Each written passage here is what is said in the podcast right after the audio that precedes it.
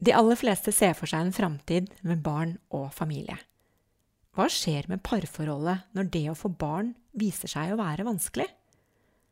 Og hvordan oppleves forholdet til venner og familie som stadig minner deg på at du bør vel få barn snart? Og hva gjør en voksen kvinne når livet må defineres på nytt fordi ingenting ble slik hun hadde planlagt og håpet? Dette kan du lese mer om i boken Barnløs Boken kan bestilles i bokhandelen. Du kan kjøpe den portofritt på barnløs.no. Og hvis du sender meg en e-post, så kan jeg skrive en hilsen til deg i boken. Da sender du til boken barnlos i ett ord at gmail.com.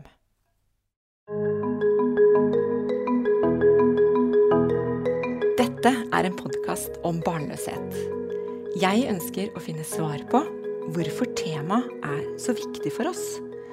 Jeg vil grave frem fakta på området, og ikke minst dele de viktige historiene bak.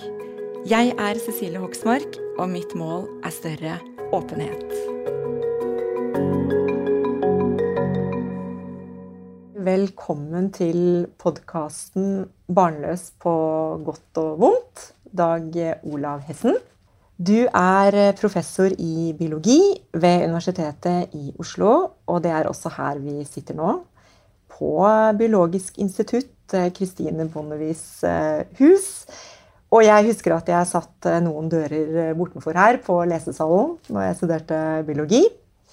Noen kjenner deg fra underholdningsserien på NRK, Big Bang. Og mange kjenner deg som professor hvor du har eh, jobbet med genetikk og økologi, men også engasjert deg i krysningsfeltet mellom biologi, miljø og filosofi. Og som biolog så har jeg alltid tenkt at eh, livet ikke har noe dypere mening. Jeg tenker at eh, vi blir født, og så sørger vi for å overleve best mulig og så formerer vi oss.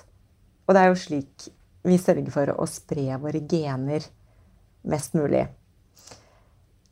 Så noe av temaet for denne podkasten, det blir da Ligger ønsket om barn nedarvet i genene våre? Ja, eh, for det første, altså dette med mening med livet. Altså jeg har også tenkt det er viktig å skille mellom mening med livet, som er vanskelig å se hvis man ikke er religiøs og tenker at det er noen der oppe som har nedsatt en større mening med det hele. Eh, og mening i livet, som jeg mener vi alle kan finne og bør lete etter. Og for mange så er jo nettopp denne meningen i livet knyttet til det å få barn. Eh, og spørsmålet er jo hvor kommer dette fra? Uh, mennesket er vel den eneste organismen som vi vet som har dette behovet for å finne mening. Eh, og mange vil vel nettopp si det at eh, ok, et sted å finne mening, det er ved å få barn. Men hvorfor? Eh, er vi ikke mange nok her på jorda? Er mine gener så verdifulle? Og, så og da blir det jo lett å tenke seg at dette er liksom det mest biologisk naturlige vi kan, kan etterstrebe. Og det er det jo også, men jeg tenker nok i første omgang så er det dette det som egentlig er den dype biologiske driven i oss, det er jo å ha sex. Eh, seksualdriften, den er jo kanskje det, det, instinktet som virkelig er igjen, og på en måte kanskje har blitt eh, ekstrapolert og forsterket i, i vår kultur. Eh, og så lenge seksualdriften har vært der, så har jo barn kommet som en sekundær effekt av det. Så det har liksom ikke vært nødvendig å ha noe ønske om å få barn. Eh, så det er et, eh, jeg tror ikke nødvendigvis sånn er sånn at ønsket om å få barn i seg selv er genetisk nedlagt, men at uh, ønsket om uh, å ha sex er selvfølgelig dypt genetisk, og da kommer gjerne barna med på kjøpet. Men så føler jo mange likevel altså, at det er en, en, dypere mening med å få barn, men jeg tenker at den er kanskje vel så mye kulturell og preget av samfunn og venner som den er av genetikken. Det som jeg tenker kunne være genetisk, måtte i så fall være å ta godt vare på avkommene når de først kom. Det er klart. Så eh, det å eh, stille opp for barna er jo helt åpenbart, det gjør vi alle. Det å ha empati med det, det å sørge for det, det å ofre masse for barna våre, det ligger dypt i oss. Og ikke bare i oss, altså dette går jo ned gjennom hele dyreriket. Så omsorg ligger dypt der, og selvfølgelig også gleden ved å få barn. Og denne gjensidigheten, at vi gjensidig stimulerer lykkehormoner hos hverandre, foreldre og barn, det er åpenbart eh, genetisk betinget. Så du kan si at det, hvis vi skal peke på ett biologisk imperativ, så er det jo å få barn. Det er dette, Å få barn er jo genspredning. Det er jo liksom eh, biologiens essens, eh, eller i hvert fall biologiens svar på, på hva som er livets essens. Eh, men jeg tror som sagt, hos de fleste organismer så er det kanskje ikke drømmen om barna i seg selv, men, eh, men, det som fører til barna, som er drivkraften. Og så kommer resten av seg selv. Og sånn er det nok eh, hos oss også. Men når barna først er der, bevare meg vel, altså da trer en mengde mekanismer inn som gjør at vi skal sikre disse barna, og at vi er opptatt av det, og at vi ofrer veldig mye av egne tid og krefter og ressurser på, på at barna skal lykkes. Tenker du at barn er meningen med livet? Det kan jo være én mening, og det er jo i og for seg, som jeg sa, meningen i rent biologisk forstand. Samtidig vil vel de fleste av oss tenke at uh, hvis livets eneste mål er å spre sine gener, så blir det noe veldig mekanistisk og trist ved det hele. Uh, og jeg har faktisk endret litt synspunkt der. Jeg tenkte nok veldig, i hvert fall når jeg var uh, begynte å nærme meg reproduktiv alder, at det å få barn var veldig viktig. Og det hadde nok også, tror jeg, sammen med en form for dødsangst, som kanskje er et unikt eh, menneskelig motiv for å få barn. Altså man ønsker noe videreført av seg selv, og det beste man kan videreføre, eller mest håndfaste, er kanskje barna, eh, som da i, i biologisk forstand er egne gener. Men det betyr jo at man Eh, man lever videre gjennom barna. og Det er en form for egoistisk motiv, kan man si, men også et motiv som nok mennesket er den eneste arten som er bevisst på. Men så fins det jo andre måter også å etterlate inntrykk eh, på samfunnet, eller gjøre noe godt som også i betydelig grad oppleves meningsfylt. Så jeg vil definitivt si at barn ikke er den eneste meningen. Det kan være, føles som en mening, og det kan også være en mening for mange. Men eh, det fins veldig mange meninger i tillegg til det, og som kanskje er viktigere og større utover en selv enn akkurat det å få, eh, få barn. Så det å gjøre noe godt for samfunnet, f.eks. Eh, få en ny idé som viser seg å være viktig. Altså Vi som jobber med forskning, ønsker i betydelig grad at vi skal være med å oppdage ting. Finne løsninger på store spørsmål. Svare på viktige oppgaver. Eh, som kan komme samfunnet til gode, det ligger jo eh, bak veldig mange sånne ønsker. Og at det definitivt er meningsbærende og kan være mer meningsskapende enn akkurat det å få barn i seg selv.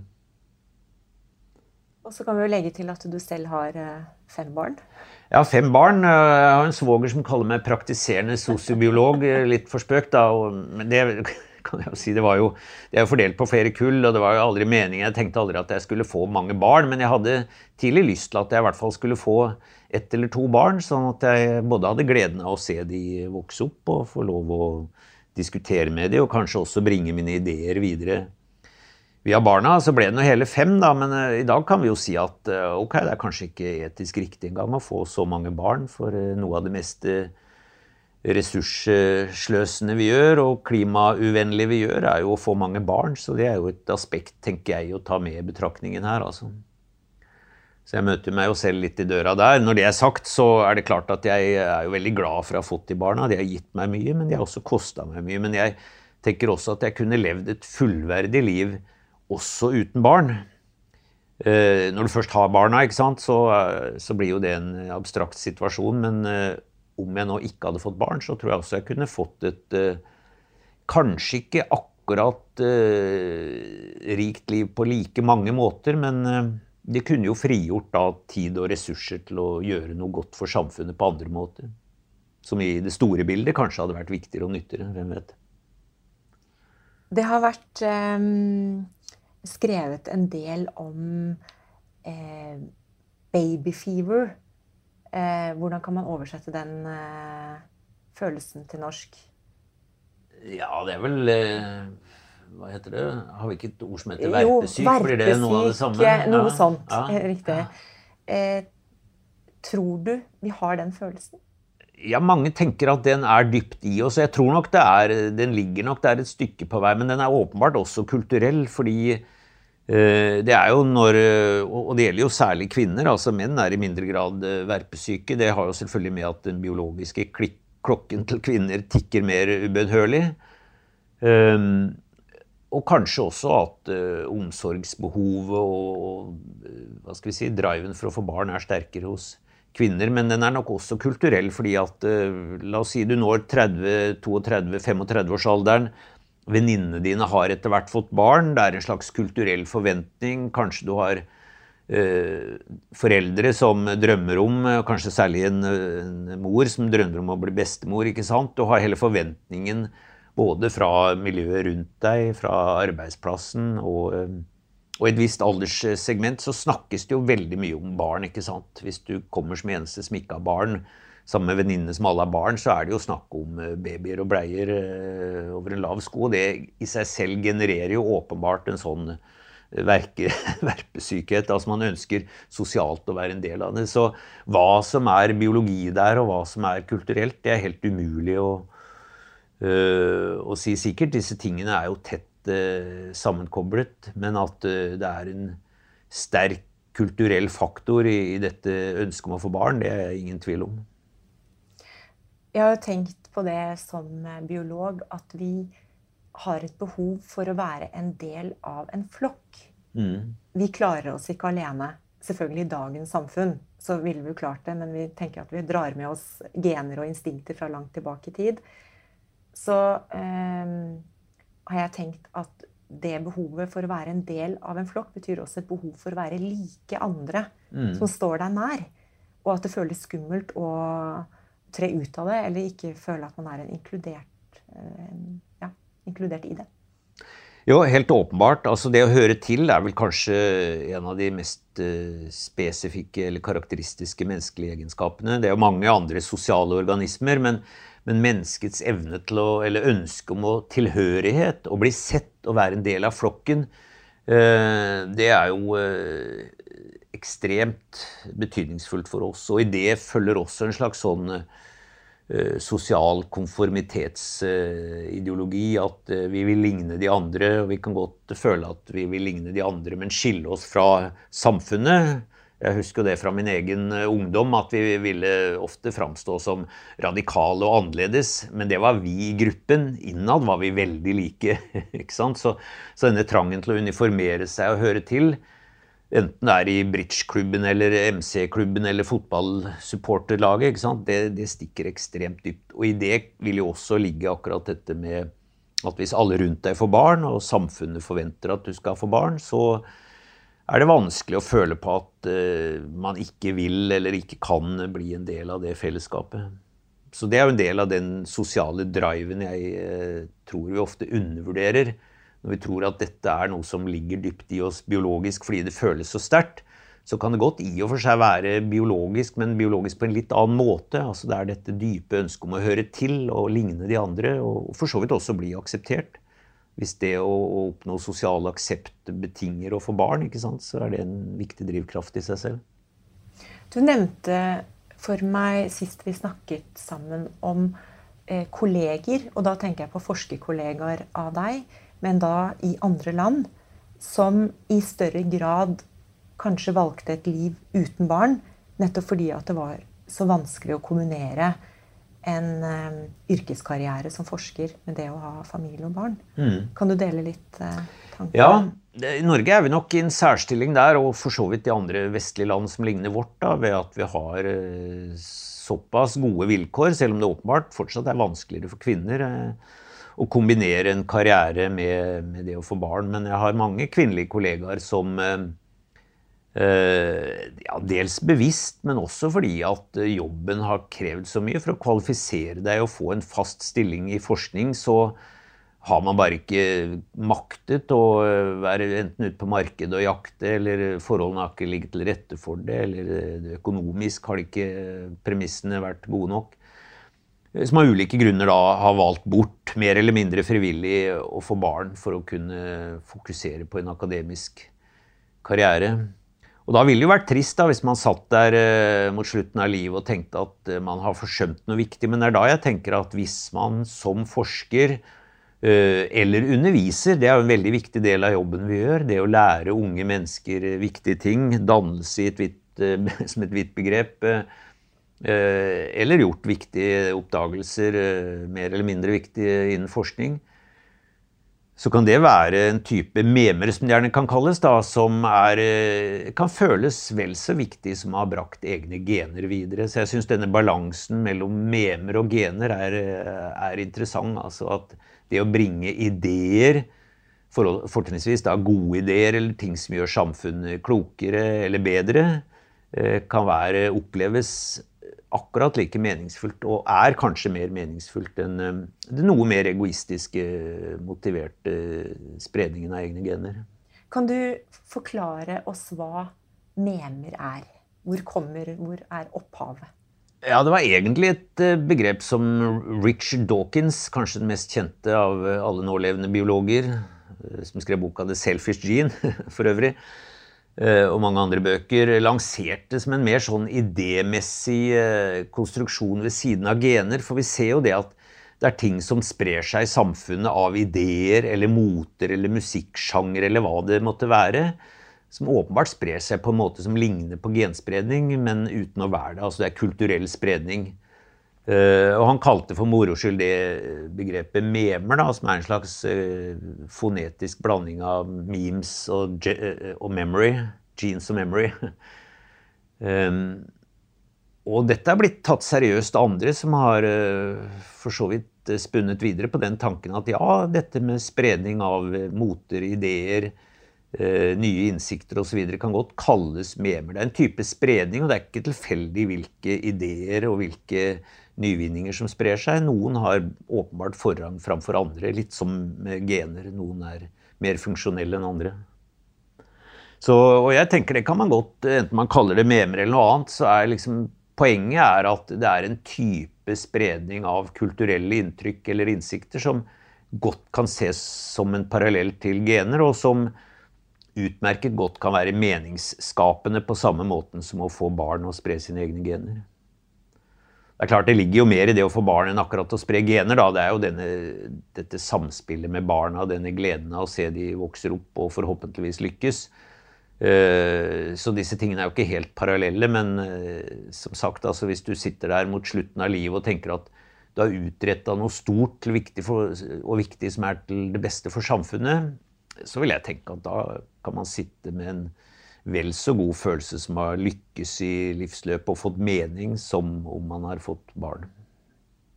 Jeg har jo Når jeg tenkte på dette intervjuet så i forkant, så tenkte jeg jo at nå har jo du i og for seg gjort begge deler, da.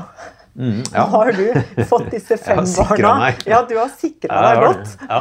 Jo, så jeg tenkte jeg at, det, at, det, kanskje er um, Hva skal jeg si de som kritiserer dette her med Memi, vil jo kanskje mm. si at du har jo tross alt lykkes på begge fronter, så det er kanskje lett for deg å si at memer kan være vel så mm. Ja da, nei, selvsagt. Altså, det er vanskelig å si om jeg hadde tenkt akkurat det samme. Og jeg, jeg vil nok eh, Jeg skal være så ærlig som å si at jeg vil nok uh, følt på at et savn av eget avkom, barn og barnebarn, hvis jeg aldri hadde fått det. Det tror jeg nok jeg ville. Eh, men hvis man klarer å heve blikket og se stort på det, så mener jeg, og jeg har alltid vært veldig opptatt av dette med å skape mening. Og som sagt, da, jeg tenker også at det er ikke noe sånn gitt mening med tilværelsen, men derfor er det desto viktigere å skape mening i tilværelsen. Og det meste man kan gjøre for å skape mening i tilværelsen, det er jo å gjøre et eller annet eh, som er bra for verden, eller bra for samfunnet, eller i og for seg kan det være bra for familien også, men jo flere det omfatter, desto bedre. Så hvis man har det som sitt mål, så er det klart at uh, hvis man kan gjøre ting som virkelig sprer seg som gode ringer i vannet, så er det vanskelig å tenke seg noe mer meningsskapende enn det. Det er jo få forunt, da. Og jeg vet ikke om jeg eh, på noen måte har klart det gjennom min forskning. Jeg prøver å gjøre det også ved at jeg har engasjert meg i miljøspørsmål osv. Eh, men om man ikke lykkes i det, så er det klart at da kan man si at ok, jeg har kanskje ikke lykkes i å bidra til at verden har blitt så veldig mye bedre sted, men jeg har i hvert fall fått barn, og kanskje de kan bidra med det. sånn at eh, ja, nei, det er selvfølgelig bedre å, å prøve begge deler enn én ting. Men det ene utelukker ikke det andre, da. Det er kanskje en slags konklusjon på det. Nå nevnte du miljøperspektivet. Eh, som biolog så har vi jo denne kloden. Og hvis vi nå tenker oss at eh, de endringene vi nå ser, de er menneskeskapte miljøendringer som ikke er til det gode. Ja, vi bør ikke engang tenke oss det. Det, det er det jo langt på vei. Og hvis vi nå snart blir ti milliarder mennesker mm. Og um, hvis vi nå tar med Ernas uh, kommentar, eller nyttårstalekommentar om at vi må bli flere mennesker i Norge for at vi skal kunne ta vare på den aldrende befolkningen som kommer, og ha nok eh, eh, barn til å mm. vokse opp og ta vare på altså økonomisk og få Velferds-Norge til å gå rundt. Hva, har du noen tanker om det?